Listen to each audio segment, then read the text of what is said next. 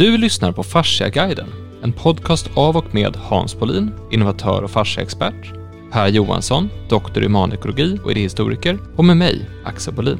I den här podcasten har vi pratat om hur de senaste årens forskning om fascia leder till ett helt nytt sätt att se på kroppen och hur vi med hjälp av ett ekologiskt tänkande kan förstå kroppen från ett annat perspektiv. Vårt resonemang ledde fram till en ny modell baserad på relationerna mellan vår kropp, vår unika individuella historia och de konsekvenser som följer på de inre och yttre störningar som vårt ekosystem hela tiden utsätts för. Och när man tittar tillbaka på vad vi egentligen har tagit upp så, så började vår resa med att prata om den sönderdelade kroppen. Eller den separerade kroppen, hur vi gärna delar upp saker för att förstå saker i den minsta detalj och hur vi någonstans har separerat kroppen från, från inre och yttre. Och hur det här har en historia, en, en historia av det är någonting vi gjort under väldigt lång tid, eller hur Per? Det här med att vi delar upp saker och separerar. Det är en ganska stark princip som inte bara genomsyrar vår kroppssyn utan också genomsyrar samhället eller vårt sätt att se på världen. Ja, jag skulle väl säga att det har sin eh, historiska upprinnelse i att det som, när man studerar 1600-talets idéhistoria så brukar man prata om den vetenskapliga revolutionen. Och, och vad gick den ut på då? Varför det, vad var det som var så viktigt som hände då? Jo, det var att man i, i sättet att studera saker och ting så kom man mer och mer be, att betona eh, förståelsen av dels alltså studiet av upptäckten av och förståelsen av delar som saker och ting består av. Och det fanns många det fanns många eh, empiriska grunder för det där. Till exempel när man började titta på, i mikroskop på 1600-talet också. 1600-1700-talet började titta i mikroskop. Så kunde man ju se att det som såg ut att inte vara någonting i en vattendroppe till exempel. Där fanns det massor av små saker som rörde sig infusorier och andra encelliga var, varelser kunde man se vanlig, var en droppe vatten. Och när man dissekerade kroppen så kunde man se, och det började man på allvar på 1500-talet egentligen. Så, och det var i full, full gång så att säga på 1600-talet. När man dis dissekerade kroppen så kunde man se att den bestod av en massa olika delar. Och då började, då började tanken, tanken väckas att om man förstår delarna tillräckligt detaljerat så kommer man att förstå helheten. Om man först delar upp allting i dess beståndsdelar och förstår varje del för sig så, så förstår man det väldigt bra. Och så, och, och så, var tanken då, och är fortfarande i väldigt stor utsträckning, att sen kan man sätta ihop det igen. Det, det, kallar, det här brukar man kalla lite filosofiskt för den reduktionistiska metoden. Det vill säga man tar en helhet och så reducerar man den till dess beståndsdelar och så studerar man delarna. Så det, ble, det där blev en separation eller sönderdelning på det här sättet, reduktion på det här sättet blev en väldigt viktig kunskapsprincip. Det här var ju en typ av separation då, sönderdela i mindre delar saker och ting. Eh, för att först, för, just förstå bättre. En annan separation var det här mellan eh, själen och kroppen. Eller anden och materien. Eller tanken och tanken och kroppen.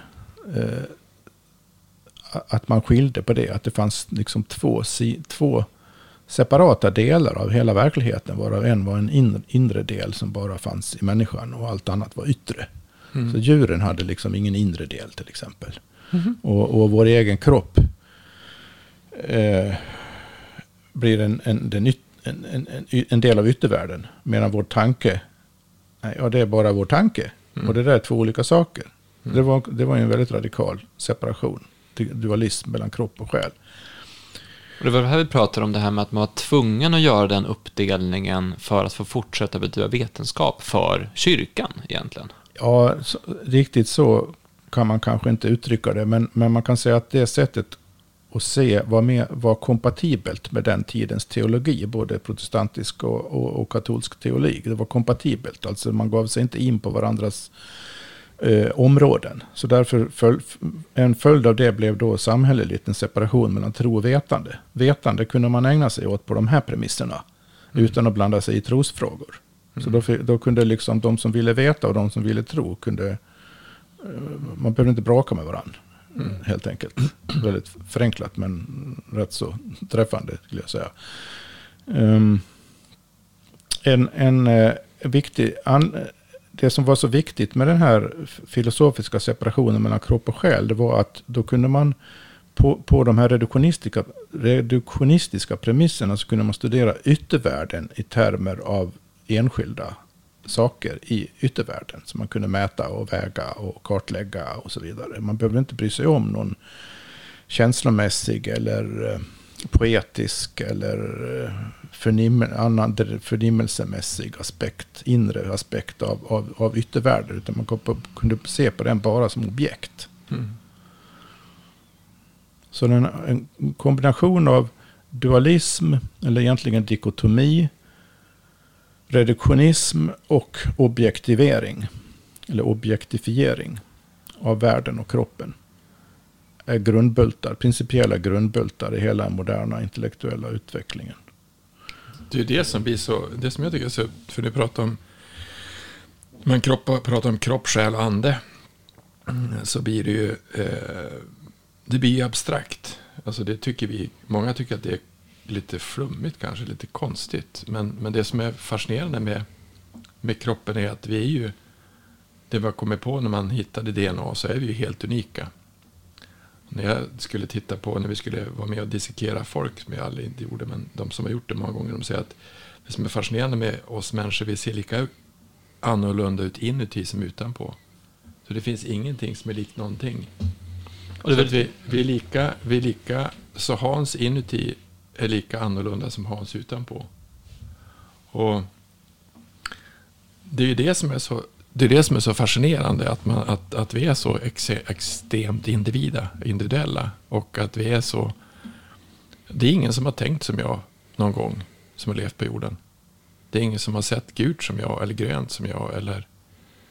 Det, det är rätt fascinerande, att just den här unikiteten som finns i, i oss människor. Och med, med med upptäckten av fascia som ett, eller interstitium, att, vi är, att allting finns. Det flöde som finns i oss, det finns i oss hela tiden. Det finns ingen separation, utan den, den extracellulära matrisen den finns konstant i oss samtidigt hela tiden. Det blir ju, alltså det vi har lärt oss om kroppen, har ju, vi har lärt oss väldigt mycket av att separera och att förstå delar, eller hur? Alltså det, det jag sa nyss är en artificiell tankekonstruktion som gör det möjligt att se världen och oss själva på ett visst sätt. Det är en, så att säga, en lins man ser allting genom. Det är en, det är en ren intellektuell, artificiell, abstrakt konstruktion som mm. inte har någonting i sig med verkligheten att göra överhuvudtaget. På ett sätt. Eh, faktiskt. För, för att i verkligheten så finns det, ta separationen mellan kropp och själ existerar inte i verkligheten. Eh, separationen mellan, mellan vår, alltså, för, för, vårt medvetande finns ju i, i kroppen. Kroppen är, är så att säga en del av medvetandet och medvetandet är en del av, av kroppen. Så att det är inte två olika saker. Mm. Och båda dessa existerar i en värld tillsammans en, så att säga, som två sidor av, av en enhet existerar i en värld där allting bygg, handlar om flöden och relationer. Mm. Så för att kroppen ska kunna hålla sig vid liv överhuvudtaget så, så måste det flöda en massa saker genom kroppen hela tiden. Dels flödar det i kroppen hela mm. tiden blodomlopp och fascia och allting. Mm. Flöd, flödar, flödar, flödar. Mm. Men det flödar också genom kroppen. Det, och det är det, det energiflödet genom kroppen när vi äter. Mm. Andas och äter. Energiomsättningen. Det är det som håller kroppen vid liv. Och den, den säger ju oss vid minsta eftertanke att vi inte är separerade från någonting. Mm, Så själva tanken på separation är, är en, en ren tanke. Det, den har ingen motsvarighet i, i, i, den levande verkligheten egentligen. Vad den tanken har, har gjort det möjligt att åstadkomma är en viss, en viss, man skulle kunna säga principförståelse för vissa saker. För det, också har, det har också varit en, en strävan med den här kombinationen av, av eh, dualism, reduktionism och objektifiering. En, en syfte skulle man kunna säga med det är att etablera generella principer för intellektuell förståelse. Mm. Och det har man ju lyckats med i stor utsträckning. Ju, och anledningen till det, det har visat, är att det har visat sig att det finns i det här icke-separerade flödet som är allting tillsammans, flödena, så finns det vissa grundläggande, väldigt regelbundna principer som saker och ting håller sig till. Mm. Och de kan man få syn på rätt så effektivt med de här reduktionistiska metoderna så småningom. En del av dem kallar vi för naturlagar, men det finns också andra, andra principer som har kommit till på senare tid. Till exempel eh, det här med eh, evolution genom naturligt urval är också en sån här generell prin- princip. Så med, de här, med, de, med, de, med de här metoderna och det här objektiverande synsättet så kan man urskilja vissa principer. Och det, det, det i sig är ju inte fel. Vad det där, om, man, om man bara utgår från det synsättet, det perspektivet, den tankekonstruktionen, då blir det väldigt svårt, för att inte säga omöjligt, att verkligen se och urskilja och inse betydelsen av det du sa nyss Hans, nämligen de individuella variationerna, de individuella egenheterna. Det vill säga det faktiska levda livet i var och en av oss, Mm. både människor och djur och växter. Det, det kan man inte eh, se med de här metoderna. Men ändå, jag tror, det som jag tycker är lite fascinerande det är ändå så otroligt starkt i vår tankevärld. Vi, vi, vi, vi är ju otroligt separerade inre och yttre. Och, och vi ser på kroppen mycket utifrån det perspektivet. Det blir ganska starkt intutet att det är så. Det beror ju på att vi, vi, vi har, som vi har varit inne på i tidigare program, vi har institutionaliserat det här sättet att tänka. Mm. Det, det är bokstavligen manifesterat i institutioner, utbildningar, byggnader, vanor. Mm. Och det är väl det som vi har tagit upp lite grann i, i den här podcastserien också. Att nu, framför allt de senaste 10-15 åren, så har det börjat komma fram saker ur... Dels, dels har det börjat kraka lite grann, det har börjat krackelera lite grann i de här institutionella systemen som vi har haft. Och ur de, eh, ur de hålen har det börjat- växa upp någonting annat. Vi pratade i avsnitt 3 och avsnitt 4 om, om fasciaforskningen, så vi får prata om vidare också, men, men, men att just när man, det som är speciellt med fascia, det är att man har tittat på en del och så sen har man sett att vänta, den delen sitter ihop med den här delen, som sitter ihop med den här delen, som sitter ihop med den här delen. Oj, allt satt Vänta, ihop. allting sitter ihop.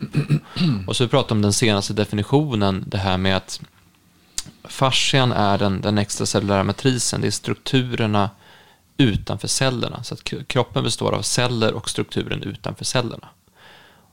Och det blir en helt annan bild av, det blir inte en separerad kropp, det är en kropp där allting är ett, där allting sitter ihop.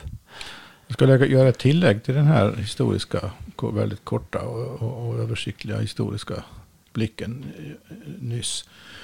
Eh, det, det jag sa var någonting som etablerades filosofiskt, naturfilosofiskt, det vi idag skulle säga kalla vetenskapligt, under 1600-1700-talet.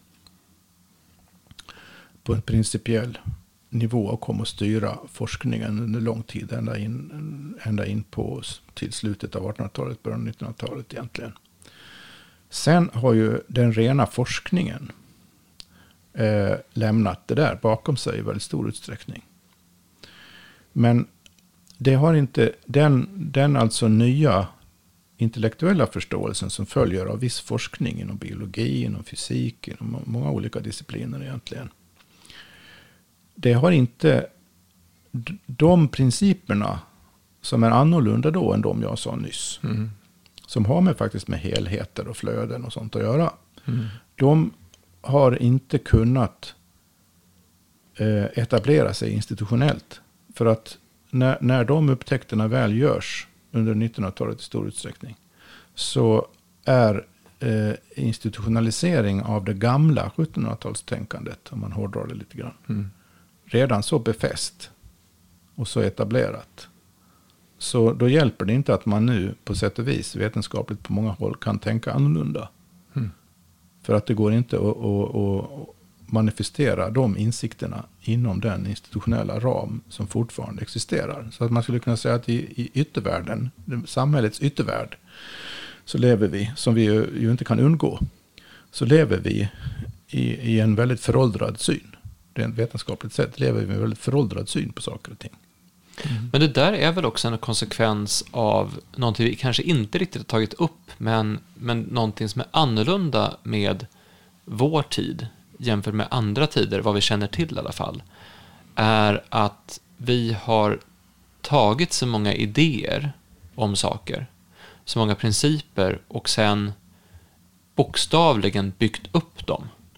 Ja. Alltså vi har ju byggt upp samhällen och förändrat vårt vår miljö och vårt ekosystem på ett sätt som man förmodligen aldrig tidigare gjort. Ja, vi är, vi är helt, i vårt sätt att göra det här på är unikt. Varje civilisation gör ju det på sitt sätt. Mm. Men vi har ju gjort det på ett väldigt speciellt sätt som bygger just på de här principerna om reduktionism, dualism och objektivering. Vår, mm. vår, vårt, hur vårt samhälle konkret fungerar och ser ut och, och, och, och liksom bestäms institutionellt bygger väldigt stor utsträckning på de principerna. Och en sak som fortfarande inte finns även i den här vetenskapen som på sätt och vis har lämnat det här och blivit mera helhetsförstående på ett teoretiskt plan. Eh, även den vetenskapen är i praktiken separerad från oss själva som levande personer. För att den är egentligen enbart teoretisk. Mm. Eh, någonting vi är extremt dåliga på har blivit. Alltså vi har så att säga i vår civilisation skolats in i att vara extremt dåliga på hur vi ska, egentligen ska förnuftigt relatera till vår egen personliga existens. Mm.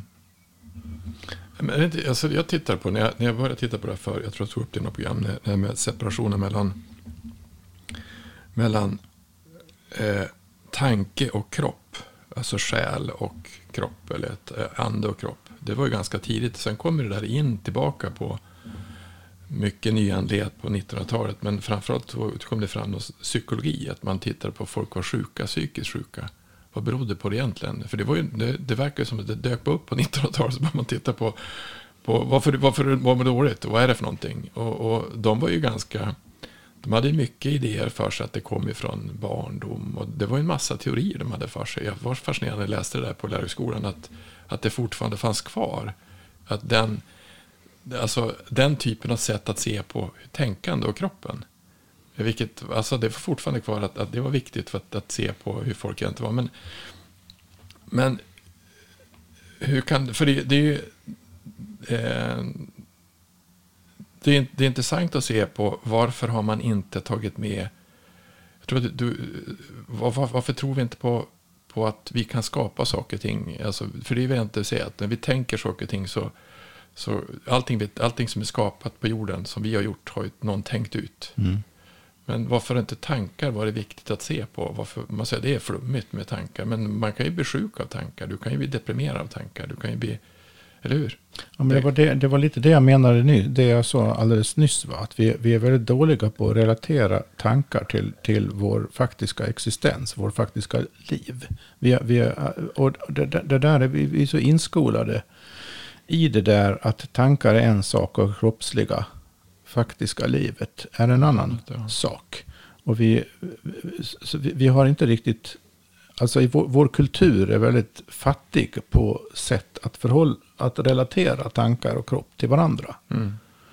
Och det gäller inte bara institutionellt och, och, och, och vetenskapligt, utan det, det gäller eh, rent konkret, individuellt mm. också.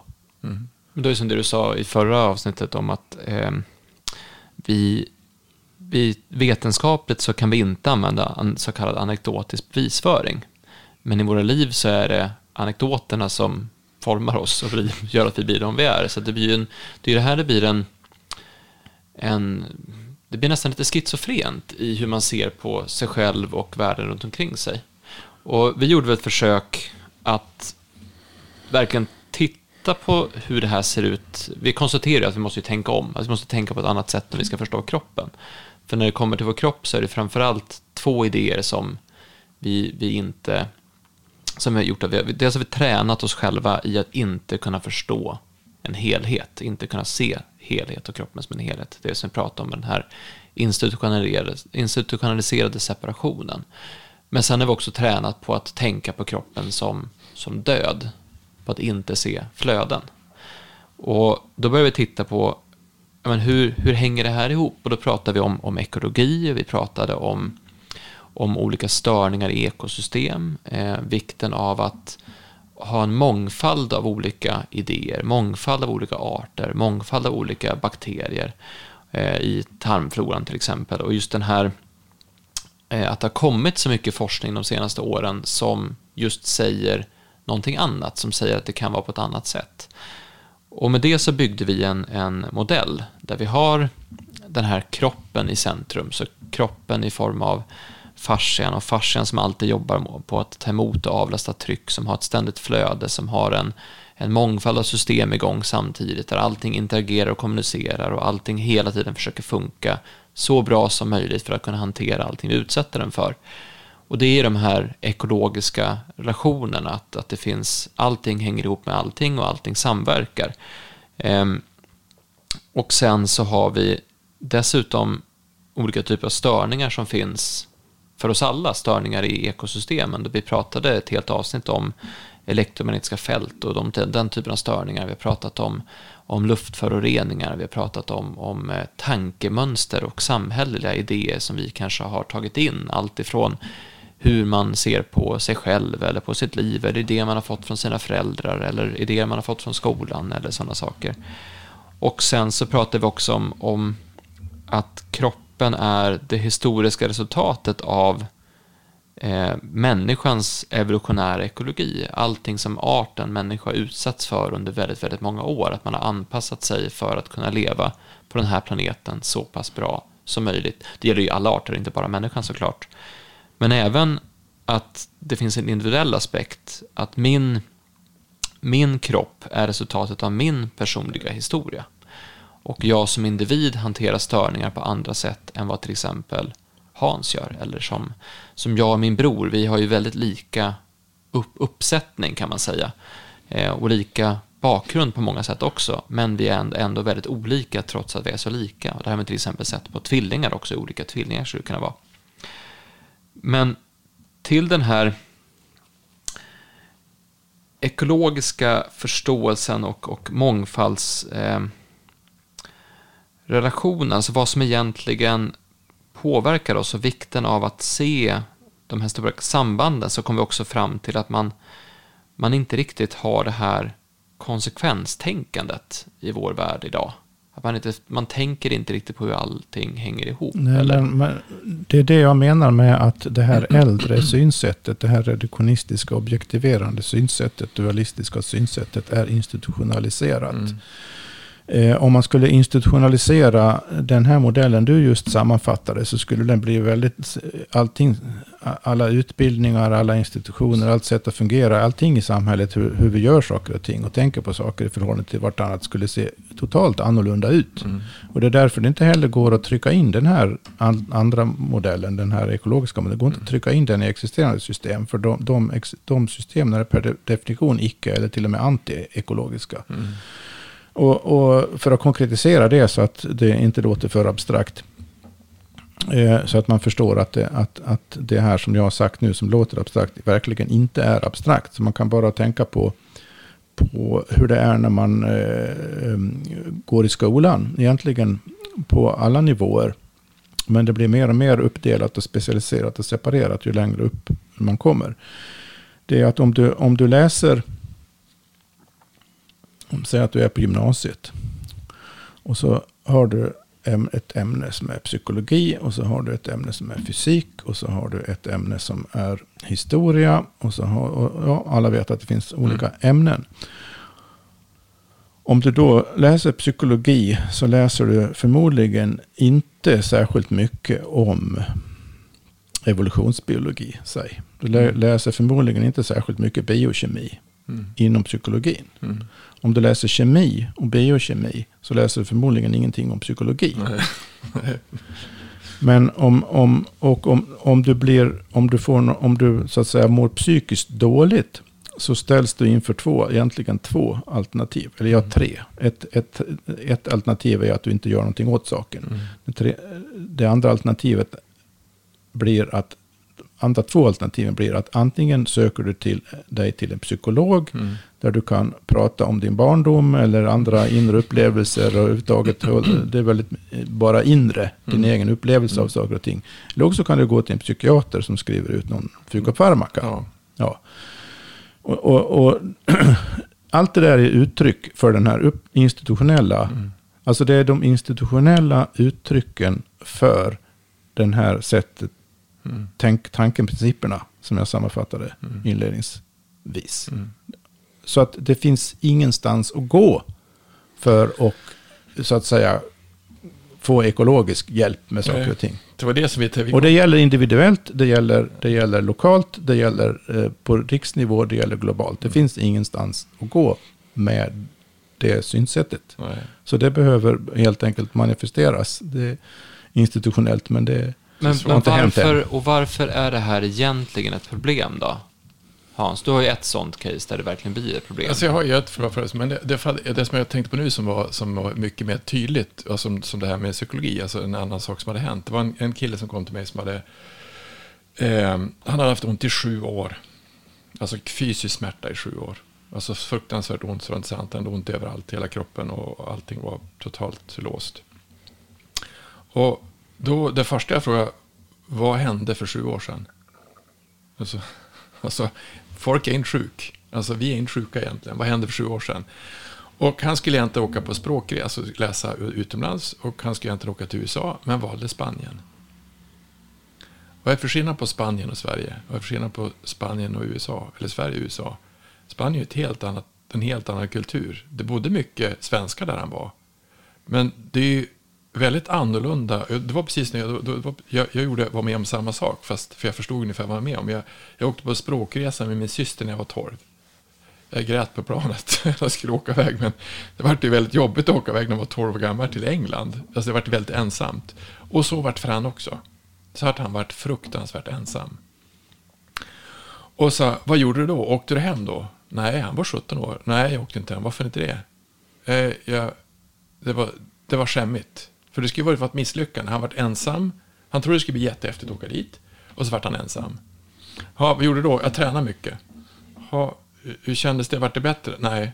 Vad gjorde du sen då? Jag läste mycket. Så han stängde av. Alltså han stängde av hela sitt känsloregister. Så att jag, jag står ut i ett år. Men så det är nästan som att vara i ett fängelse. Så. Du, du tyckte inte om det? Nej. Tyckte det var roligt? Nej. Var du ensam? Jag var jätteensam. Och det är nästan som att han har satt sig själv i en, i en cell. Alltså isolerad. Och då sa det, det första, och han hade ju svårt att känna. Han hade stängt av sig själv. Och då säger kroppen, vi är här, vi lever. Du får känna att vi lever. Så det svåra var egentligen att han hade aldrig träffat någon förut som hade, funderat på varför han har blivit sjuk. Så, och det, det vart ju lite bättre. Han vart efter, efter vi behandlade honom tre gånger. Och så att han, han fick lite bättre, han hade ont i ögonen, han kunde se bättre. Han kunde, eh, det gick, gick att få honom att, att börja känna efter. Men det var ju ett, han hade gjort det här själv. Så därför menar jag att det finns många saker som, som man inte... Eh, det där blir, för det, det han var med om vart det fysiskt manife- manifesterat i hans kropp. Det han var med om hade gjort att han stängde av sig själv. hur manifesterade det sig? Eh, Totalt låst. Alltså, hans bröst, alltså hela han var spänd. Så att hela hans bröstkorg var spänd. Hela hans kropp var sned. Så att han var som totalt sned. Fast han var ju, det stod det var inte mycket fel på honom, men lite grann fel. Men han var ju väldigt, väldigt spänd i kroppen och väldigt, väldigt spänd i, i bröstkorgen. Vad hade troligen hänt om man hade gått till vårdcentralen nu då och sagt eh, Ja, han, alltså han hade varit överallt. Han hade varit Ja, överallt. där kan att han var Alltså, det han, innan han han, kom. han, hade varit, han hade varit på hundra, han hade varit utredd hur många gånger som Ja. helst. Så det var, det var, han var totalt sönderutredd. Men det var ingen som hade och kom in, Ja, det blev ingen svar nej, på och någonting. Han var, nej, och han, han var ju nästan... Det här vart ju också ett, ett, ett, ett mantra för han. Var, varf- varför blir jag inte hjälpt? Varför har jag ont? Alltså, vad är det som händer i huvudet? Var, varför, varför, ja, vad har hänt? Varför, varför blir jag... Så att, där kan man ju se hur, hur tankar och idéer som man egentligen har, hur de kan manifesteras så att man, man gör något, alltså man råkar ut för någonting. Det är, jag tror det är samma sak med, om du sa det här med psykologi, att Arfors han säger att Karl Arfors, han som är professor som jag, i medicin som jag pratar mycket med, han, han säger att det som är farligt med, psykof, alltså med psykofarmaka, det är att de som är deprimerade, Eh, de har oftast, de får mod utav psykofarmaka, men tankarna är kvar. Så att det otäcka är att de kan ta livet av sig, för då blir de modiga. Så att egentligen är det ju, alltså tankar som man, alltså tankar kan göra oss väldigt, precis på samma sätt som vi pratade om det här med om det, vi, vi är reduktionistiska och, och vi, vi, tror att det är så. Det gör ju också att vi blir mindre och då kan vi också bli väldigt in, in, inbundna i oss själva. Tror att ja, kan om du då har den här objektiverande, eller man skulle också kunna kalla det i någon sorts filosofisk mening, materialistiska uppfattningen, men framförallt den objektiverande uppfattningen om kroppen, mm. att, och kroppen är materiell. Mm. Så att om det är någonting som påverkar kroppen, vare sig det är tankar eller vad det är som påverkar kroppen, så är eh, eh, själva, på, själva effekten av det hela är, är materiell och objektiv. Och för att då rätta till det hela, och, så, och sen har du det som vi också varit inne på, att eh, eh synen på sjukdom. Va? Att eh, sjuk, sjukdom består av att man har vissa symptom. Mm. Man, så, så, definitionen av av olika åkommor och krämpor och sjukdomar och så vidare. Det, det är att man har vissa symptom. Mm. Och om man då har den här synen, den här materiella objektiverande synen, så, och så symptomfixeringen, mm. då, det är där psykofarmaka då kommer in. Va? Mm. För att då, då tänker du på kroppen som ett kemiskt system. Mm. Som du studerar som vilken kemiskt system som helst egentligen. På samma sätt. Det, som no någonting som sker i yttervärlden och som någonting som i sig inte har med några tankar eller någonting att göra. För det är symptomen du vill åt. De säger att det är tankarna som orsakar symptomen. Så vet du inte hur det funkar. Det finns, alltså inom den sortens vetenskap så har man egentligen ingen kunskap om eh, hur, vad är det som händer när en tanke får kroppen att reagera på ett sätt så att man lider. Mm. Det, det, är väldigt dåligt förstått på ja. de premisserna. För det går ju egentligen inte Nej. att förstå på de premisserna. För att det saknas så många ingredienser i det hela. Ja, då, då kan du... Då, då utvecklas det då mediciner, det vill säga kemikalier, som eh, påverkar symptomen. Mm. Du identifierar ett symptom så noga som möjligt. Du identifierar att ja, men det är vissa molekyler inblandade i det här symptomet. Och så har du ett läkemedel som påverkar hur de molekylerna omsätts i mm. kroppen. Mm. Och så får du det läkemedlet. Och så kan du ta bort just det symptomet. Mm. Vad du inte har någon som helst eh, hänsyn, kan ta någon som helst hänsyn till är ju alla andra faktorer i sammanhanget. Mm. Alltså så, det, så, att det blir, det blir extremt konkreta, specifika effekter av det här sättet att tänka. tänka ja. Som etablerades på 1600-1700-talet och som det är hög tid att sluta vara fast i. Men, så, men, så det, därför, därför jag menar, om du tittar på, som du sa, en sak förra, förra avsnittet, sa att det finns ingen slump. Slump finns inte. Mm. Om du tittar på det, om, och, och, då sa man ju att, jag tog en annan sak som jag sa förra avsnittet också, det, att, att man har kommit fram till nu att att vissa, alltså om, om du sa att, om, om, om vi sa att egentligen om du tittar på interstitiumfascien så flödet till fascian, det är också stötdämparna. Så får jag för mycket tryck i kroppen kommer ju det bli rörigt. Då kommer ju de receptorerna som ska, det är för, de, eh, smärtreceptorer kommer att, de kommer, det, det är för mycket tryck. De kommer signalera smärta. Det har man gjort i ryggverk har man visat mycket av, alltså för, för för tät lumberfascia så kommer, då kommer så fria nervändarna att signalera smärta. Det har ja, försök på. Då får du ju det här jag sa nyss, att du koncentrerar dig på symptomen, smärtan och så har du en kemikalie, en värktablett och så tar du den värktabletten och så kan den tillfälligt ta bort smärtan. Ja. Men det, det, hela det paradigmet kan ju då inte se fascians funktion i sammanhanget. Nej, men, de, men det är det, nej, nej, nej, det, är det, det är det som jag tror att det luras med nu. För att de forskarna som kommer nu, de kommer ju från olika håll och försöka att få, ja, de kommer ju från lymfan och de kommer från alltså, olika ställen, alltså specialister och tittar på, ja, vänta vad är det här för någonting som händer? Och det är när de här, det som han sa, Neil Tees, när alla de här träffar specialisterna och bara tittar på, vänta om vi ser det på ett annat perspektiv så kanske vi förstår saker och ting som vi inte har förstått innan. För att han kom ju från leverpatolog och tittade på leverförändringarna i, som fanns runt levern i, i, i cancersjukdomar. Och det som jag sa om, om, om som jag sa nu sist, det är de, det är de nu, forskarna som jag lyssnar på, de säger att det finns bara en sorts cancer. Och det är att det är för tätt. Det är, för, det är, för, det är, en, det är en syrefattig miljö. Och i en syrefattig miljö så, då precis som ett ekosystem så gör ekosystemet någonting som passar i den miljön. Och då gör man celler som är cancerceller som passar att vara i en syrefattig miljö. Och tar du bort den miljön, då, kan, då finns det ingen möjlighet för cancercellerna att finnas överhuvudtaget. Att, att, att ha det, alltså, då har du ett ekologiskt perspektiv på vad, vad, vad en sån dysfunktion som cancer är. Att den ska komma in i det här paradigmet som finns nu, den är ju jättesvår för vem ska göra det, för att alla cancersjukdomar är det specialister som tittar på. Och sen finns det då, säger man att det finns, de, de forskare som lyssnar på dem säger att det finns 5% som är genetiskt, alltså som, är, som inte har med, med miljö att göra, utan som är mutationer, som är något annat som har hänt. Men det är inte det som är det, är inte det, som är det vanliga. Så att eh, med, med, med, med att se på ett helhetsperspektiv, alltså både tryck och det vi är med om, så är det lättare att förstå och hjälpa. Eh, det är lättare att förstå och hjälpa folk att hitta en annan väg.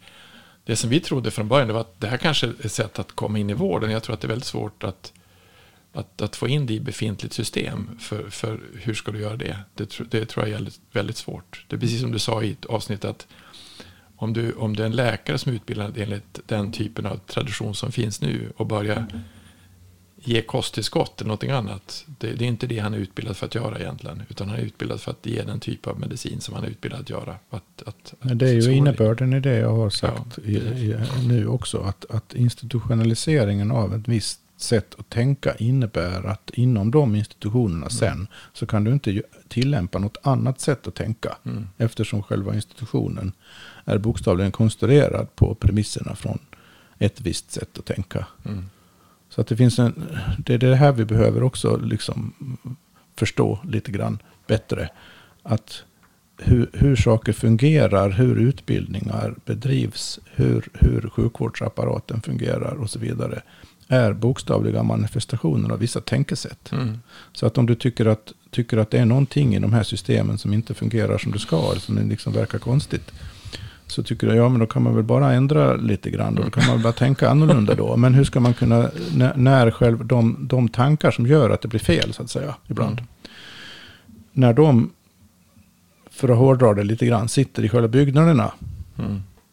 Så, så kan du, hjälper det inte att, att enskilda personer tänker mm. annorlunda. De mm. kan bara åstadkomma saker till en viss gräns. Går de för långt så att säga, ett annat sätt att tänka, så kommer, kommer de att stoppa upp eh, en massa saker i, i, i systemet. Mm. Vi är sponsrade av Fasciaklinikerna. Och fasciaklinikerna finns därför att jättemånga människor går runt med bland annat ryggvärk och ont i nacken utan att veta att det finns riktigt bra hjälp att få och enkla sätt att hålla sig frisk. Det fasciaklinikerna har är en riktigt bra behandlingsprocess, en bra kunskap om kroppen, lång erfarenhet av olika typer av besvär, en riktigt bra maskin som eh, behandlar kroppen på ett effektivt och skonsamt sätt och en personal som verkligen brinner för att hjälpa människor. Det häftiga med fasciaklinikerna är att fasciaklinikerna blir bättre och bättre. Behandlingsmetoden utvecklas hela tiden, man håller sig ajour med ny forskning. Alla som jobbar på fasciaklinikerna lyssnar regelbundet på Fasciaguiden och funderar på vad innebär att få ha en kropp och hur ser till att kroppen blir så bra som möjligt. Så att om du har ont så är fasciaklinikerna för dig. Det är också för dig som vill prestera bättre eller bara må bra i kroppen eller utvecklas med din kropp. Så är du intresserad av att boka behandling så gör du det på fasciaklinikerna.se. Jag tror att den här, en, en stor del av problematiken i det, det är att med den här befintliga modellen som finns i hur vi ser på människan, hur vi ser på kroppen och hur vi ser på saker, så, så även om, om jag som, säger att jag är psykolog, och så ser jag dig som individ, det kan jag göra som psykolog, men då är bilden av kroppen är fortfarande bilden av att din kropp är exakt samma kropp som alla andras kroppar. Den är exakt likadan som alla andras kroppar. Som var inne på i det här med, med vi pratar om germ theory och totaliseringen av delperspektiv. Att du tar en, en förståelse och säger okej, okay, nu tar vi den här förståelsen och lägger den precis överallt. För den modellen bygger någonstans på att alla immunförsvar fungerar exakt likadant. Mm. Alla människor är likadana. Och när vi tittar på testar olika, olika kliniska studier, då tittar vi också på vad vad eh, majoriteten eller den statistiskt eh, eh, signifikanta gruppen, hur den reagerar. Vi har pratat om det här med, med biverkningar. Biverkningar egentligen är verkningar, men de som inte önskar och att vissa får dem och vissa får andra. Och det här blir ju, om, om det är det dominerande perspektivet som är att, att, alla, att alla har samma, då spelar det ingen roll om jag som, jag som en verksam aktör i den här modellen behandlar dig som individ om jag ändå faller tillbaka på samma, att du har samma kroppssyn. Men nu har man ju sett att din, till exempel din individuella tarmflora kan ha en större betydelse för hur du reagerar på en diet eller medicinering än dieten eller medicineringen i sig. Just. Och det här börjar ju någonstans byta, bryta upp det här systemet som finns. Och det var som Hans var inne på att, att skulle man ta det här på allvar, skulle man verkligen ge sig in och börja titta på kroppen eh, utifrån det här sättet. Nu säger jag inte att vår modell är lösningen på alla problem som finns, det är inte det vi ska vara inne på, utan men att se kroppen från det här andra hållet, att faktiskt lyssna på på det som finns, eh, det som finns framforskat de senaste åren och verkligen fundera på vad skulle det kunna innebära. Vi pratade ju tidigare om, om att man kan se på cancer på ett annat sätt. Vi pratade om att man kan se på alla typer av sjukdomar på ett annat sätt. Och, och, men det här kräver ju någonstans att man vill göra om. Och det för oss in på, på förändring. För förändring pratar vi ofta om, om någonting som ska vara positivt, men egentligen så vill, vill vi förändras. Är det någonting som, som man vill? Spontant, liksom. Vill, vill en organism, alltså vill en institution förändras och göra annorlunda? När en institution eller en, en viss typ av affärsverksamhet, eller det är också en sorts institution, jag använder ordet institution i väldigt allmän bemärkelse mm. här nu då när en etablerad verksamhet som fungerar på, på ett visst sätt, på vissa premisser, i ett visst syfte, väl finns, så har den i fortsättningen bara ett enda syfte i praktiken, och det är att fortsätta finnas. Mm. Och skulle den stöta på svårigheter i omgivningen som gör att den inte kan, inte kan fortsätta, så om det rör sig om företag så går ju de i, i konkurs då, eller går under på annat sätt.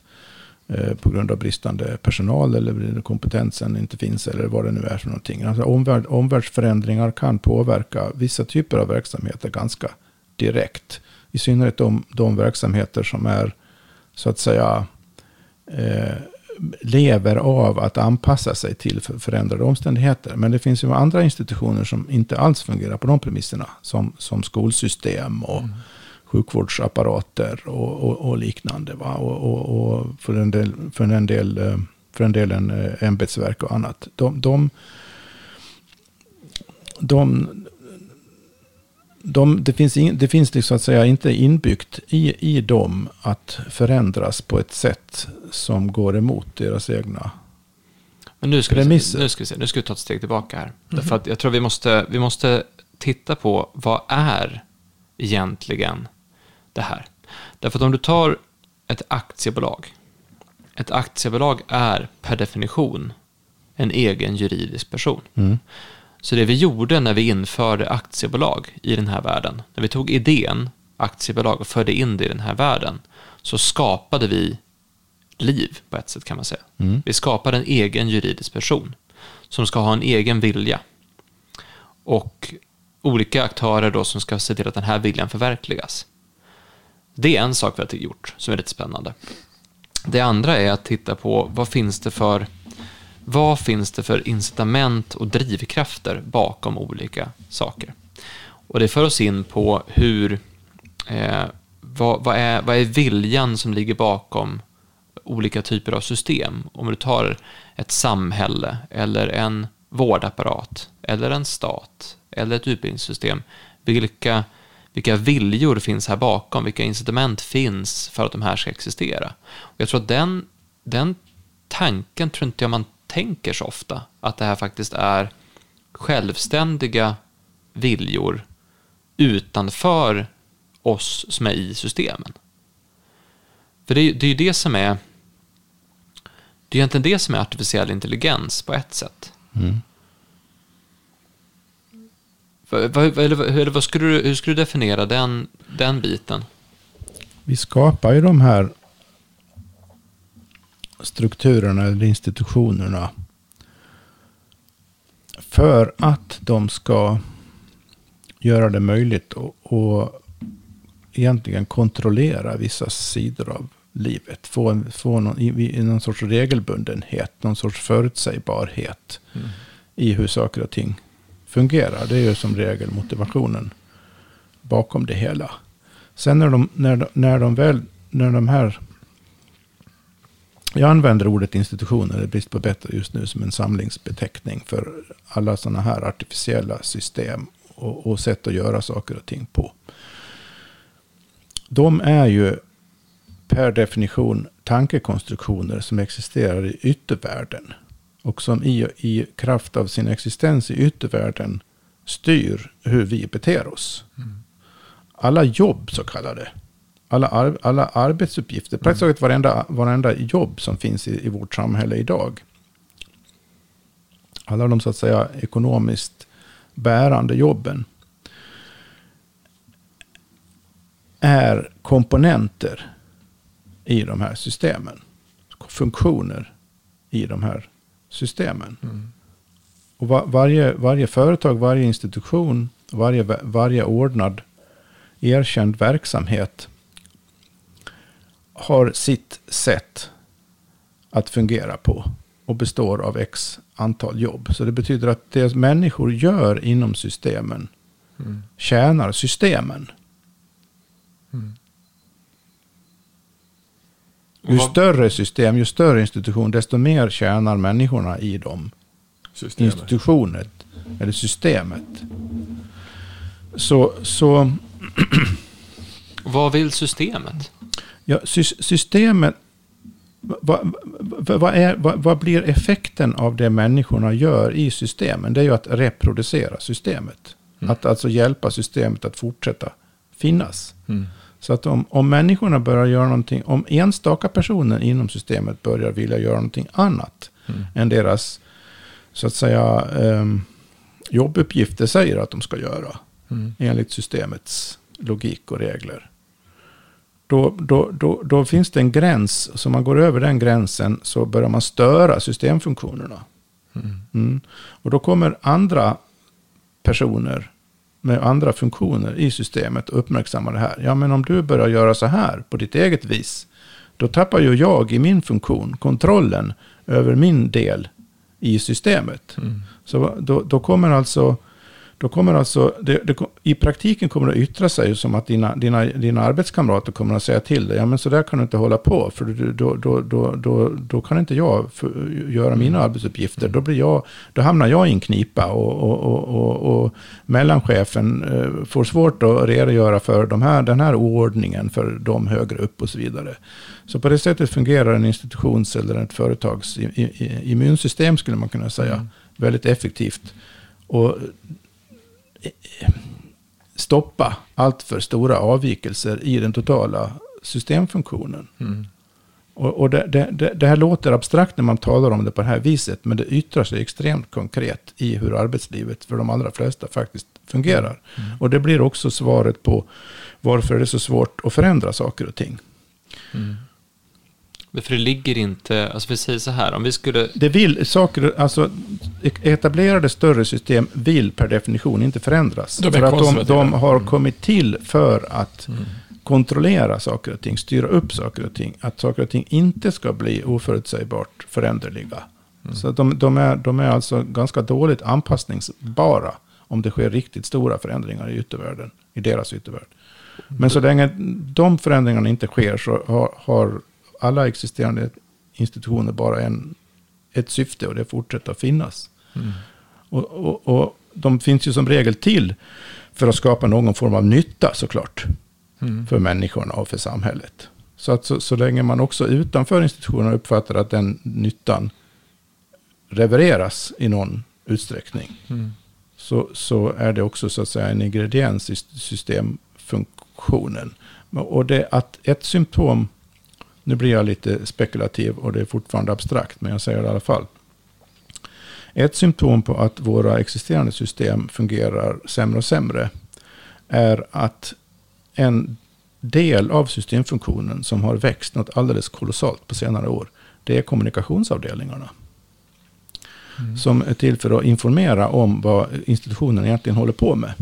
Mm. Utåt. Både inåt och utåt. För att hålla ihop det inåt och för att rättfärdiga det hela utåt. Mm. Alltså kommunika kommunikatörsyrket har expanderat något alldeles kolossalt. Mm. Då kan man ju fundera på varför det. Mm.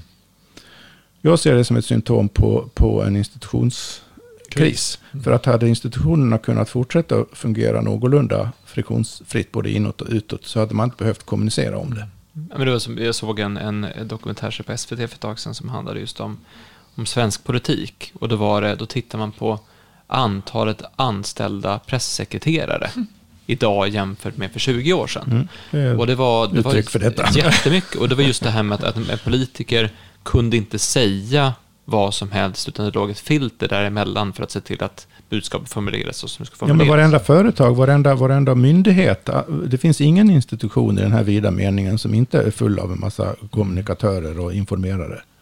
Men, men det var ju där någonstans Utåt. också som vi pratade senast om, att det är inte alltid, det är inte säkert att det finns en att det är en ond avsikt det här, utan det kan också vara att det har blivit så. För om du tar principen eh, att vi ska producera eh, så mycket mat som möjligt till ett så lågt pris som möjligt. Då kan ju idén ha varit att nej, men det gör vi för att vi ska kunna ge mat till så många människor som möjligt. Så. Men den, när den principen, så mycket mat som möjligt till så lågt pris som möjligt, när den principen, ska vi säga, löper amok eller får leva sitt eget liv eller får sin egen... När det blir en totalisering av ett delperspektiv. När det blir en totalisering av ett delperspektiv, då får vi just det här som vi pratat om i något avsnitt från, från den här dokumentären Sista skörden, att man ser en apelsinodling i Spanien som kontrolleras från ett multinationellt företag i USA där det är i princip öken förutom runt själva apelsinträdet där det finns en liten, liten grön fläck och där det är en konstbevattning med, med kemiska eh, näringsämnen som sen blir de här apelsinerna som i slutändan inte smakar någonting och inte innehåller någon näring. Det är ju en konsekvens av att man har låtit en princip få löpa emot på ett speciellt sätt. Ja. Och det ligger ju inte i den, den principens intresse att plötsligt börja producera eh, dyrare och mer näringsriktig mat på ett annat sätt. Därför det går ju emot principen. Mm, precis. Och den här principen förstärks ju också över att, att eh, vi vill ha det på ett speciellt sätt. Så det går ju i grund och botten ner till... Det är det som är problemet. Det, det, du, det, ditt exempel nu precis är vad jag kallar nu då i det här programmet en institution. Mm. Som vill fortsätta att finnas mm. på sina premisser. Och då blir frågan, som jag tror man, man landar i någonstans, eh, vilka principer vill vi ska, ska råda och styra? För det är ju någonstans så har vi ju sett att problemet är ganska stort. Alltså om vi säger att det finns, det finns en massa lösningar här. Det finns lösningar för att man skulle kunna göra saker på ett annat sätt. Diskussionen om vad vi vill, det är ju precis vad ett så kallat demokratiskt samhälle eller styrelseskick är till för att eh, hålla vid liv. Mm. Men har man de diskussionerna? Problemet, problemet är ju att när du har stora, stora starka institutionella aktörer som fungerar på de här själv, självbevarande premisserna. Så ju starkare de blir, ju mer dominerande de blir, ju mer inflytande de har över, över ekonomi, utbildning, politik. Eh, desto mindre roll spelar det vad vi, inom citationstecken, tycker. Mm.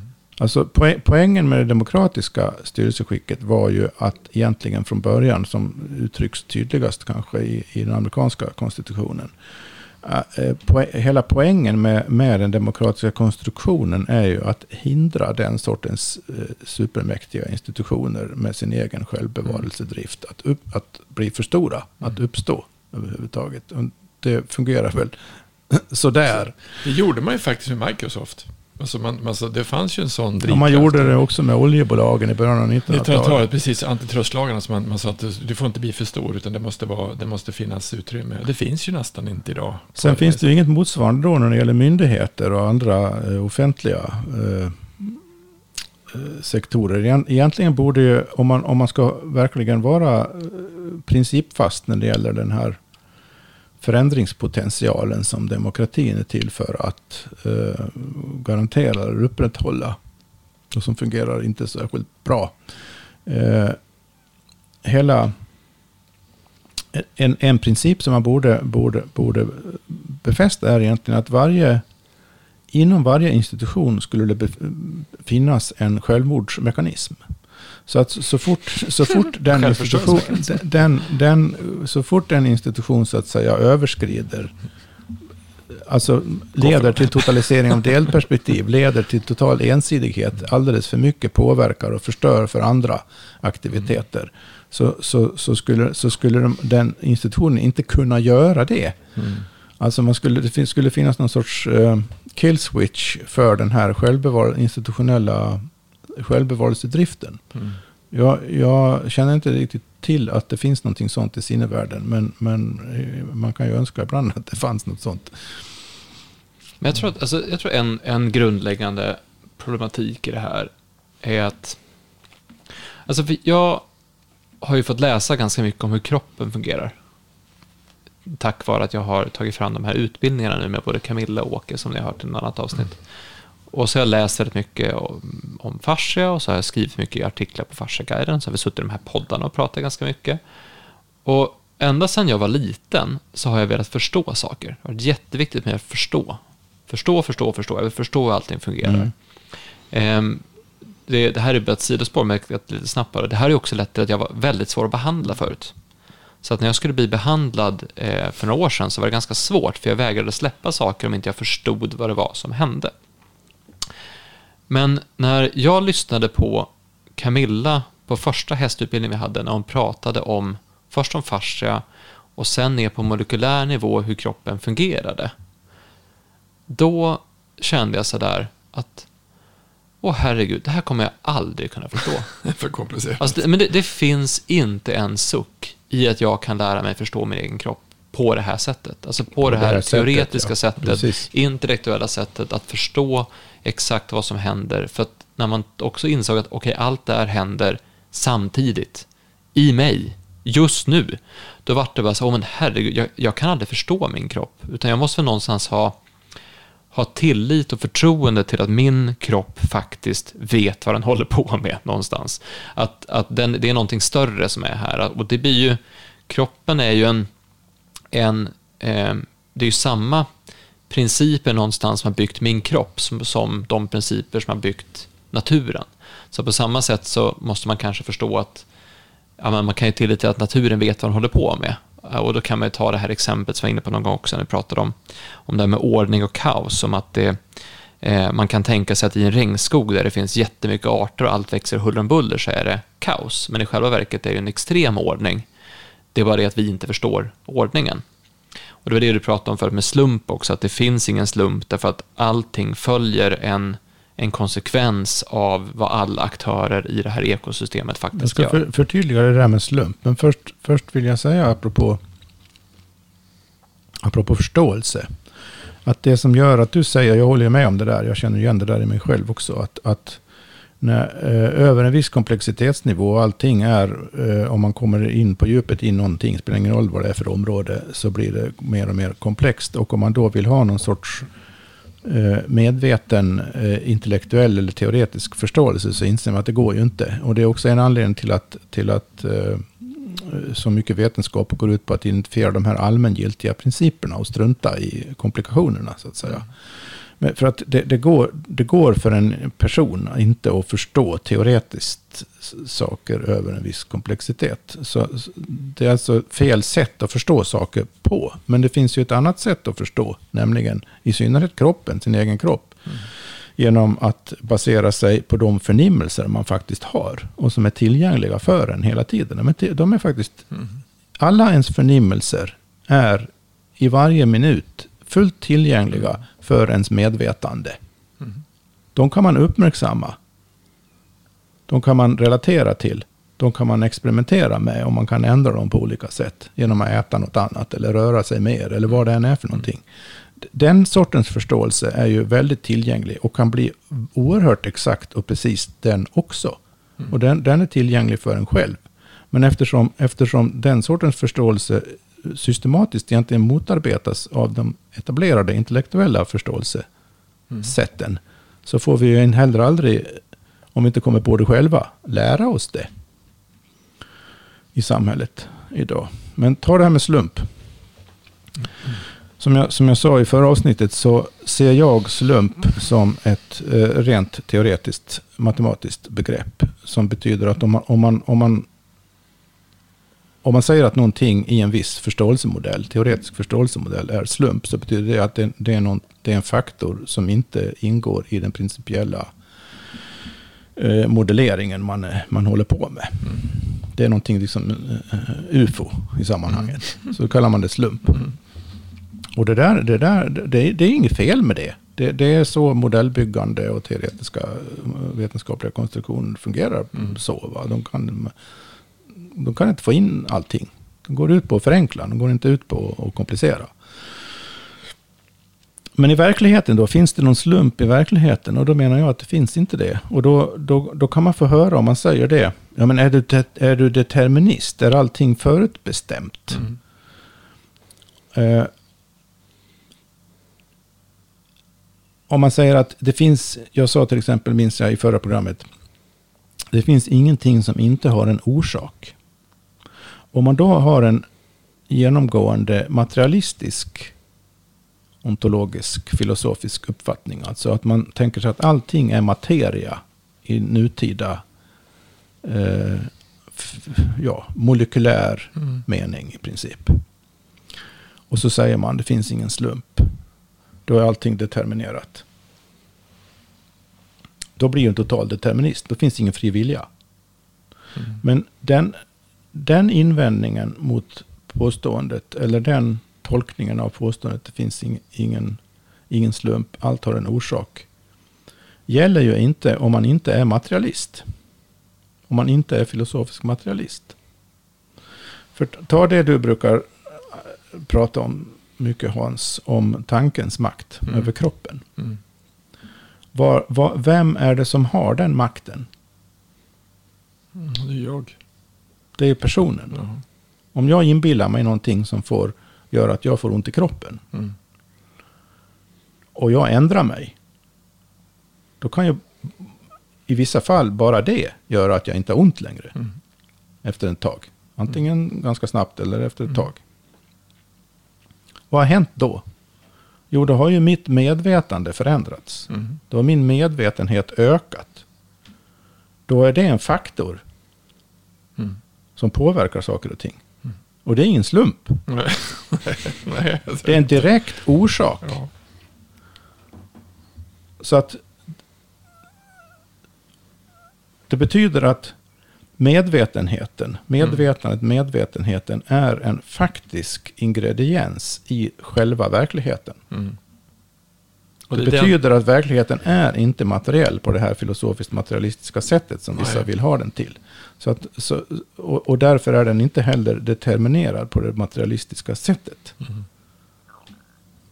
Men det, det är det som jag tror, för att komma till eh, det jag ville säga med min berättelse om hur jag insåg att jag aldrig kommer kunna förstå kroppen på det här sättet, är att det ledde i sin tur till en, till en ödmjukhet inför att det finns saker som jag inte intellektuellt kan förstå. Och det förstärktes ju av att Camilla som har läst så fruktansvärt mycket hela tiden säger att "Nej, men jag kan inte så mycket ändå. Och, då, och det, det är ju många visa människor som säger att ju mer jag lär mig, desto mer inser jag att jag inte kan. Och då förstår man hur mycket det finns att förstå. Och att en människa förmodligen aldrig kommer kunna förstå allt. Därför att det finns för mycket saker man kan förstå, om man verkligen breddar in hela biten. Och det här leder ju någonstans till att, att man måste erkänna för sig själv att jag kan ha haft fel. Jag kan ha förstått fel. Det finns saker jag kanske inte känner till. Och det gäller ju oavsett om du är ett litet barn eller om du är en högt stående professor på, på ett världens högsta, högsta lärosäte med mest status över alltihop, att det finns saker som du kanske inte har koll på. Men där är vi ju, den bilden har vi någonstans inte i vår värld, utan vi har ju någon form av idé om att vi, vi förstår mer än någonsin idag, tycker vi. Eh, men samtidigt så ser man ju konsekvenserna av det här tänkandet. För jag, jag, vill, jag vill ändå se att det finns ett, ett principiellt samband någonstans mellan det här med att, att försöka förstå och försöka kontrollera. Mm, det För någonstans drar vi ju det här med att vi vill kontrollera och bygga upp de här systemen som ska funka runt omkring och se till att, vi, att det går bra ändå. Och någonstans också det här med att jag gärna vill lämna över ansvaret om min egen kropp och mitt eget liv till någon annan så att jag inte ska behöva ta det själv. Jag går till någon annan och frågar hur mår jag istället för att fråga mig själv. Eh, Jag går till någon annan som säger, säg åt mig vad jag ska göra istället för att hitta det här hos mig Den, själv. den andra frågar inte heller sig själv, utan den, den, om den är specialist i någonting så frågar den sig, ja, vad säger forskningen om det här då? Ja, så vi vänder oss alltid bort ifrån oss själva för att förstå oss själva, vilket ju i, på ett sätt att se på det blir att fråga på helt fel ställe. Du kan ju leta hur mycket som helst, hur mycket forskning som helst, men aldrig förstå dig själv i alla fall. Och det här, är ju, det här blir ju ett problem. Och jag tror att vi i den här, eh, vi har pratat om det här, jag tror vi pratade om det här i avsnitt 20 som handlar om, om kroppen, hur vi förstår vår egen kropp, att när vi har flyttat kunskapen om oss själva utanför oss så tror vi någonstans också att, att, att den ska finnas där. Alltså vi har någon, någon, någon naiv bild av att, av, att det, av att svaren finns där ute. Någon måste veta. Någon måste veta, någon annan ska ha svaren. Och jag tror att där blir vi kanske lite grann, på samma sätt som vi tror att ja men, eh, ja, men, ja, men det där har ju inte blivit något än bara för att det kanske inte funkar. Nej men det kan ju också vara för att systemet som, som det ska in i inte accepterar Är det den någonting idén. som ut, utmärker, om vi, tar, om, vi, om vi identifierar förståelse just nu med vetenskaplig förståelse, så är det någonting som utmärker vetenskaplig forskning inom i princip alla fält nu för tiden, så är det en höggradig specialisering. Mm. Man brukar ju definiera då en specialist som en person som vet väldigt mycket om väldigt lite.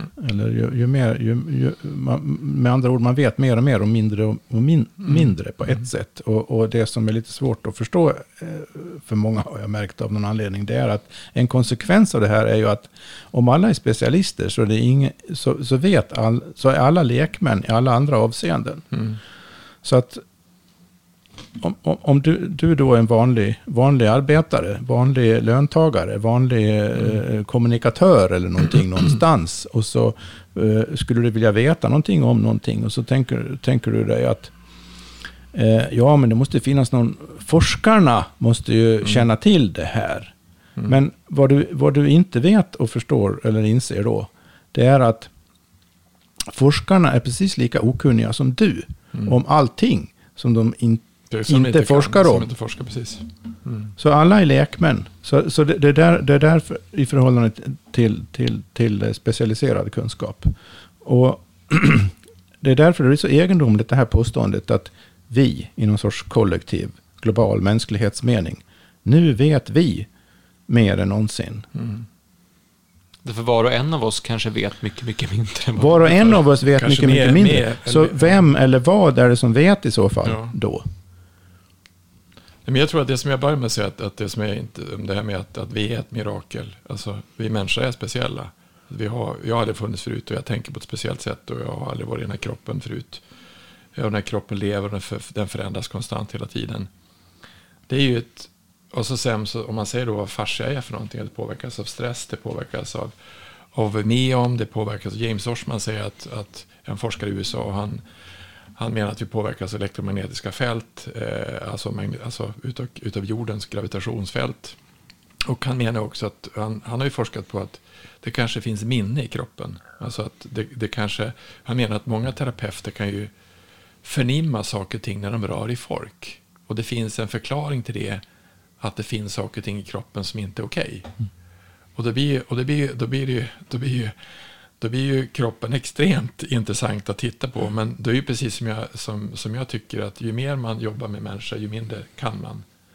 Ju mindre förstår man egentligen. Ja. Och, men, men samtidigt finns det vissa saker som är om man ser det på ett helhetssätt, om man ser det på, som jag sa förut, den här killen som var med om, han som hade eh, valt att flytta utomlands fast han inte ville flytta utomlands.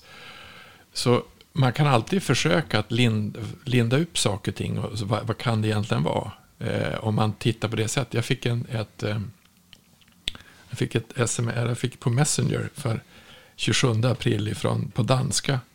Ifrån en kvinna. Jag får faktiskt berätta det, så det, det spelar ingen roll. Men jag fick ifrån en danska och som sa att eh, jag skriver till dig personligen. Och jag tänkte, för jag, jag kan ju inte danska, så jag, jag tog och översatte det fort. Och tänkte, vad är det för någonting?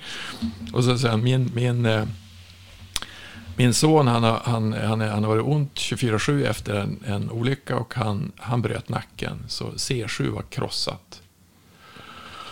Och eh, jag undrar om era maskin och det ni håller på med på Atlasbalans, om det kan hjälpa min son. Han har ju jättemycket ont. Eh, förresten, har ni någon terapeut som finns på Färöarna? Färöarna slog Jag visste inte riktigt var det låg någonstans, men det ligger mitt ute i Atlanten. Så jag svarade henne på en gång att, att har man varit med om ett sånt där enormt tryck så man, man, man bryter nacken. Det är ju, det är ett trauma. Alltså hela kroppen. Alltså, tänk, tänk om nacken håller på att gå av som håller fast i huvudet, som håller i huvudet. Det blir en chock hela, alltså en chock i hela kroppen på en gång. Så att tar man bort trycket så, så, så kommer man förmodligen att få mindre ont. För det är för mycket tryck i kroppen. Eh, så att det har vi provat att göra. Vi har provat att fått sådana behandlingar att funka. Så att jag tycker du kan ta och eh, Ta, ta flygan till oss i Stockholm ska vi testa att behandla en torsdag till måndag. Så hinner vi behandla ett par gånger. Så. Då svarar hon tillbaka på en gång att A. Kan du flyga till Färöarna? B. Eller skicka en maskin så kan du behandla via, alltså via Messengers eller sådana där, ja, man spelar in behandling. Så jag pratade med Ivar, så Ivar han skickade dit en maskin. Och den, på valborgsmässoafton så stod jag och min fru Lotta. Lotta filmade och jag visade den här kvinnan då hur de skulle behandla sin son och avlasta tryck. 50 minuter höll vi på. Eh, och eh, sen smsade jag henne dagen efter och så frågade jag gick det? Jo, han har sovit fyra timmar i natt och det är första gången han sovit på tre år. Två och ett halvt år. Och sen så fortsatte behandla så jag. Och så sen ser du vad som händer. Så efter nio dagar så tog jag kontakt med honom igen. Och då hade han inte ätit smärtstillande på nio dagar. Och sen så behandlade vi, jag och Ivar behandlade, då, då, då, Ivar behandlade mig och Lotta filmade och så fick hon behandla speglet. Så, så jag fick behandla också en timme. Och efter det så är han helt återställd. Och han har varit, eh, han har varit, han tittar ju på mig ungefär som jag var ett unikum. Men han hade ju tillit till att det gick. Och han hade en vilja att han ville bli frisk. Men det han hade gjort innan, det var att han var så arg så att han hade slagit handen i, eh, i väggen och brutit handleden. Och han hade ringt till sin mamma och sagt att nu tar jag livet av mig, nu orkar jag inte längre. Och då hade han ändå haft en, hade han en, en pojke som var då, nästan nyfödd, och var ett halvår gammal. Så då hade, de hade varit överallt. Och, fått, och då hade de, hade de fått det var att den här smärtan den ska man få leva med. Och han åt alltså så mycket smärtstillande så sant. Institutionerna sa Institutionerna sa det går inte att göra någonting. Men det gick att skicka en maskin från Sverige till Färöarna. Och det, och, och det lyckades lösa eh, den smärtan hade. Så att där är det ju, där är ju mera en händelse, en, en fysisk manifestation alltså som har hänt. Som har påverkat kroppen. Eh, sen så kanske han har varit lite oförsiktig med sig själv, men det, det är inte säkert att det, det, är på den nivån. Men, men så en del gånger, där, där, kan du se hur svårt det är för då, det var ju smärtläkare, alltså narkos, alltså som alla olika typer av människor, det var fyra stycken som var inblandade i det här teamet, sa det finns inget bot. Vi har bara smärtlindring och det kommer inte att bli bra, utan det är som att vara instängd i sitt eget fängelse. Och när hon hörde det, hon, jag tror inte han hörde det, eller om hon, fick, hon berättade det. Och det var ju hemskt att se sin son inlåst i ett fängelse och 20 år gammal och inte komma ut. Så att vissa gånger kan ju, alltså kroppen är komplex, men vissa gånger kan faktiskt bara att förstå vad är det som har hänt egentligen. Och vad har kroppen, vad har hänt kroppen, vad kan vi hjälpa kroppen rent fysiskt med för att släppa den typen av tillstånd man har fått. Det tillståndet kan ju säkert också inte så, men som jag berättade, det tillståndet kan alltså utav smärta, utav för mycket tryck, kan ju också bli utav, jag är ensam, jag har ingen att vara med, det var inget roligt, det känns inget bra det här. Jag flyr någon annanstans. Det är bara det att, att man faller och slår nacken av sig, det kan vi förstå kanske. Men det är andra, att man har en monolog eller en inre, ett, ett inre tryck som gör att det inte är roligt att leva. Det har vi svårt att förstå, vilket egentligen är ganska, är ganska enkelt att förstå. Att det är klart att det på, kommer att påverka min kropp. Eh, som gör att, att det kommer vara jobbigt. Det är det här som får mig att känna hopp. Att det finns, det finns så mycket fantastiska saker som, som går att göra. Alltså det finns så mycket lösningar på, på saker. Och jag har ju pratat med vissa som, de som sa det, att jag, eh, alltså när jag säger till, till folk att, att, vi kan, att man, kan, man kan bli av med artros, då kan ju folk bli förbannade.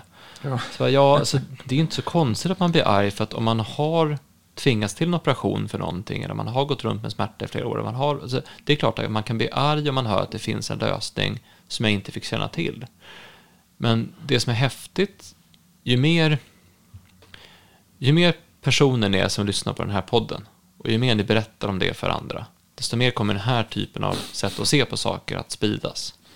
Och ju mer behandlingar som, som genomförs och ju mer personer som berättar om de behandlingarna och ju mer sådana här case som, som dyker upp, desto mer kommer ju det att spridas. Så att det finns en enorm kraft i att, i att sprida saker. Och det som vi pratade med dig om här tidigare, att, att just nu så, de här stora institutionerna, de är ju så här. De är ju väldigt eh, trögrörliga och vill inte förändras, men de håller också på att bryta ihop.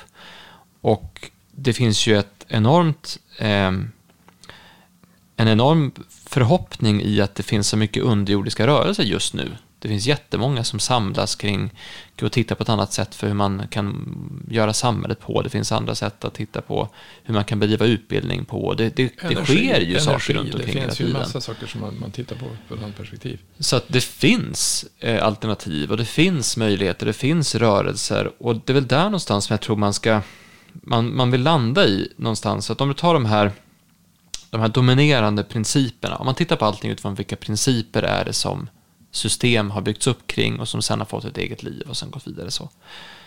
Om du tar system, den första principen då som vi pratade om lite grann med det här med, med vinstmaximering eller tillväxt eller, eller den biten eh, oavsett vad, det är en sån princip. Och så har vi en princip jag pratat om som är separation. Och så har vi en som är den här att, att eh, vi, vi ska förstå allting och kontrollera allting. Och vilka av de principerna bygger upp människor egentligen?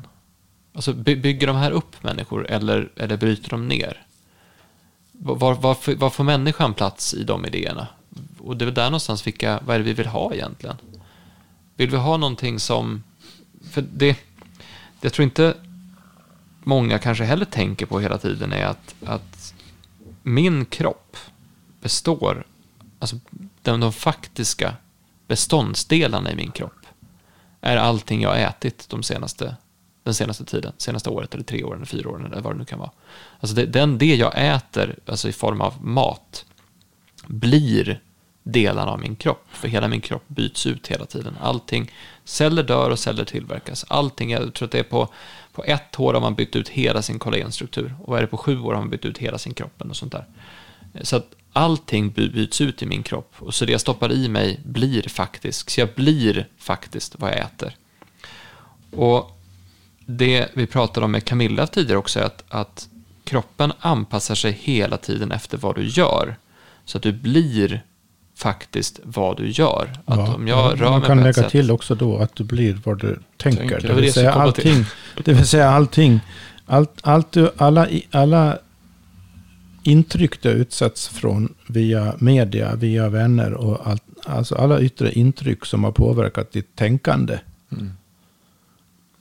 sätter sig på samma sätt. Så att de, de principer som finns runt omkring oss och påverkar hur vår värld är, de kommer också att påverka oss. De kommer också påverka hur vi mår. Och det är väl här någonstans som är, ja men va, va, var ska man börja då? Om man vill förändra det här nu, var ska man börja någonstans?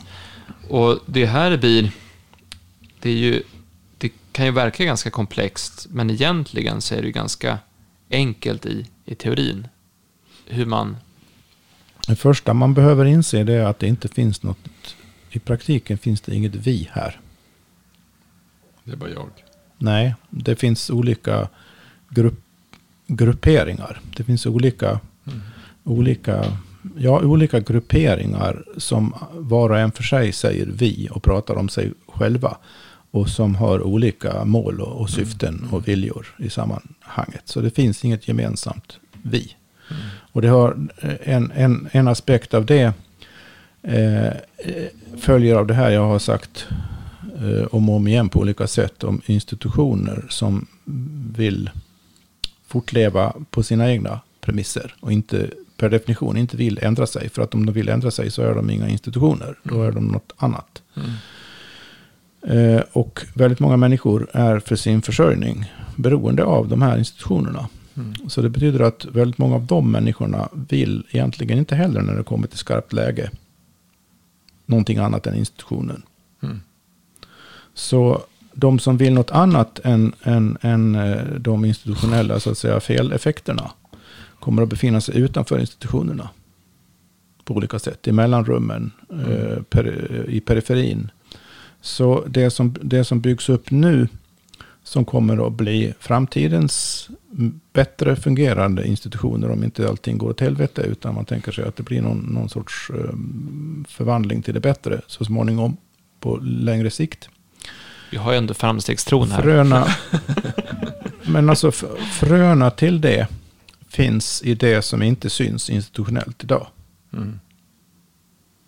De som, de som har potential och verkligen skapa någonting annorlunda som fungerar bättre. Mm. Efter, säg, låt oss säga, helhetspremisser på något sätt. Efter ekologiska premisser. Eh, De, de, de bygger upp sin verksamhet eh, i princip struntande i de institution, institutionella strukturer som finns i största möjliga utsträckning. Helt går inte. För en viss pragmatik måste man ha, en viss realism måste man ha, en viss anpassning behöver man ha. Man kan inte liksom frikoppla sig helt för då, då har det ju ingen effekt heller.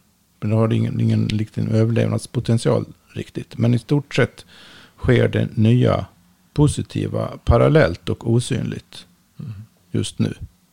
Men kan snabbt växa sig, växa sig större. Det är ju så, om man tittar tillbaka historiskt på hur större samhällsförändringar, vad ska man säga, spontana samhällsförändringar till skillnad från diktatoriska samhällsförändringar. Spontana samhällsförändringar har alltid skett på, på, på det sättet att det är någonting som så att säga samtiden inte inom sina vanliga synsätt inte ser Mm. som har växt till sig och plötsligt visat sig fungera så bra så att det tar över en massa. Och fungerar så i naturen också jag tror att det, det som är viktigt, Hur menar du då? Att det är, någon, det är någonting som i naturen så att förändring Ja, sker? det finns någonting som heter... Ehm, ja, jag ska inte ta det. Ehm, om, om till exempel en skogsbrand Mm. så skapas det ju nya förhållanden. Mm. Och de, de, de organismer som är anpassade till att bo i en tät skog, Mm. inklusive de träden, Mm. de kan ju till att börja med inte trivas Mm. i det här skogsbrandsområdet. Då är det helt andra organismer som har varit perifera i skogen Mm. som tar över. Sen blir det så småningom en ny skog, för Mm. det kallas för ekologisk succession. Mm.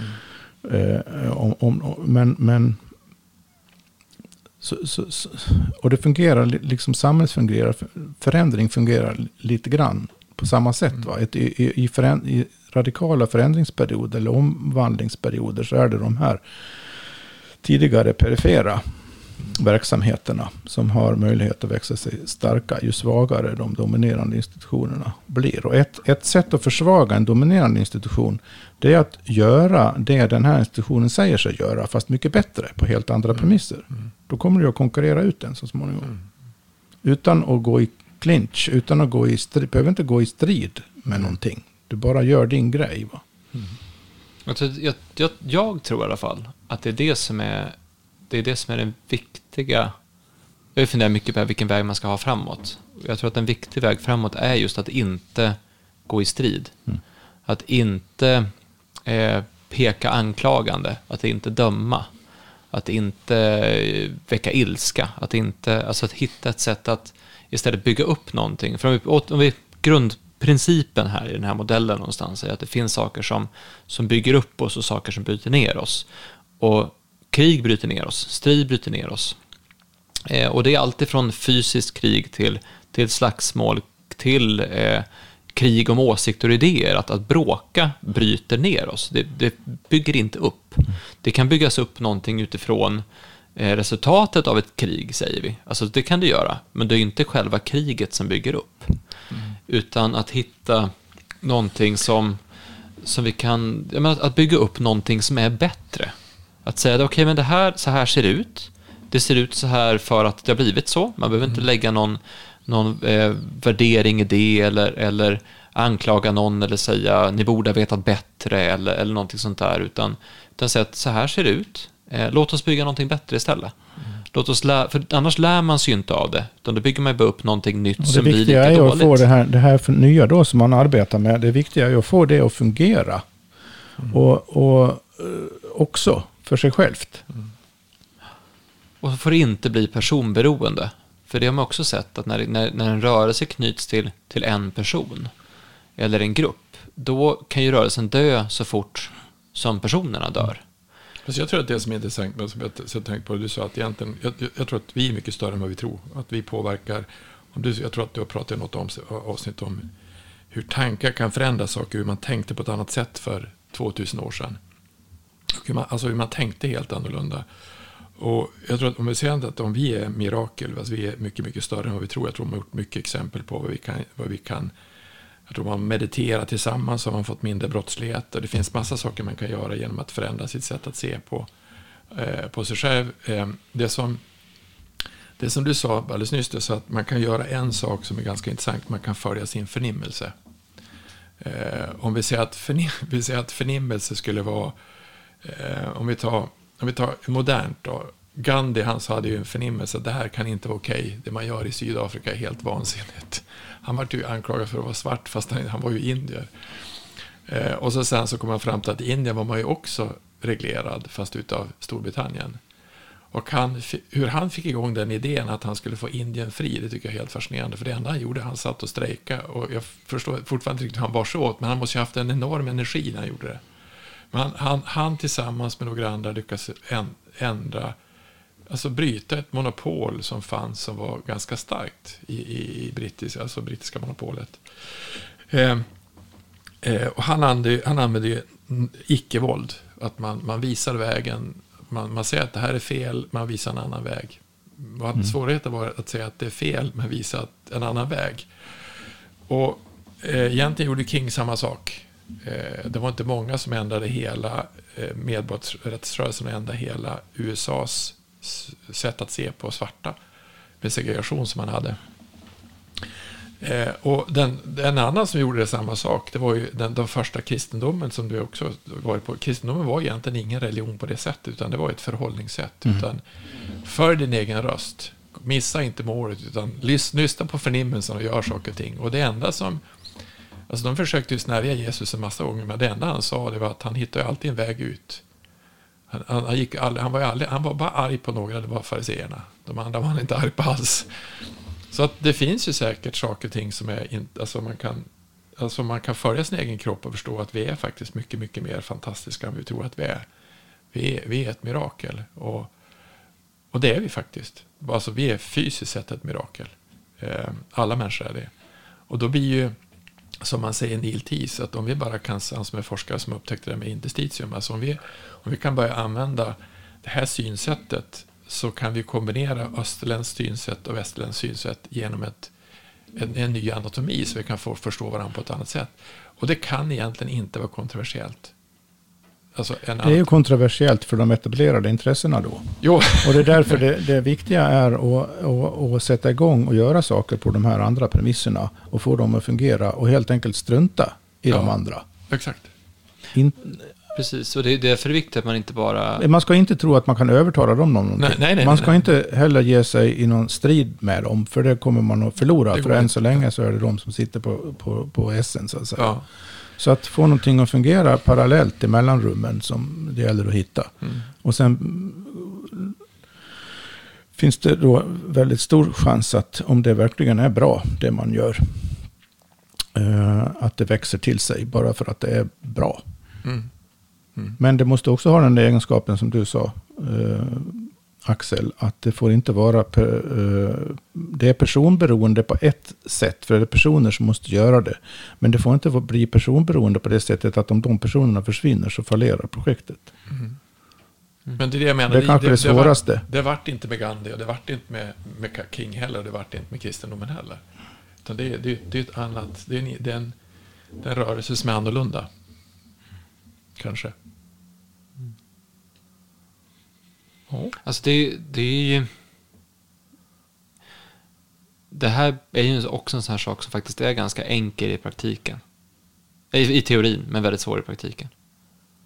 Ja, alltså det, det, det finns ingenting som är svårt att förstå i detta, skulle jag säga, egentligen. Utan precis, det, det, och vad är det som gör det svårt i praktiken? Ja, det, det är väl en, en faktor är ju att även den som sätter igång något sånt här annorlunda är själv ofta mera fast i det etablerade än man själv inser från början. Det är en faktor. Och sen får man räkna med att väldigt många runt omkring kommer under ganska lång tid inte förstå vad man håller på med överhuvudtaget. Mm.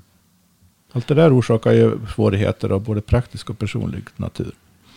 Och därför måste man vara väldigt ödmjuk. Och aldrig tro att man...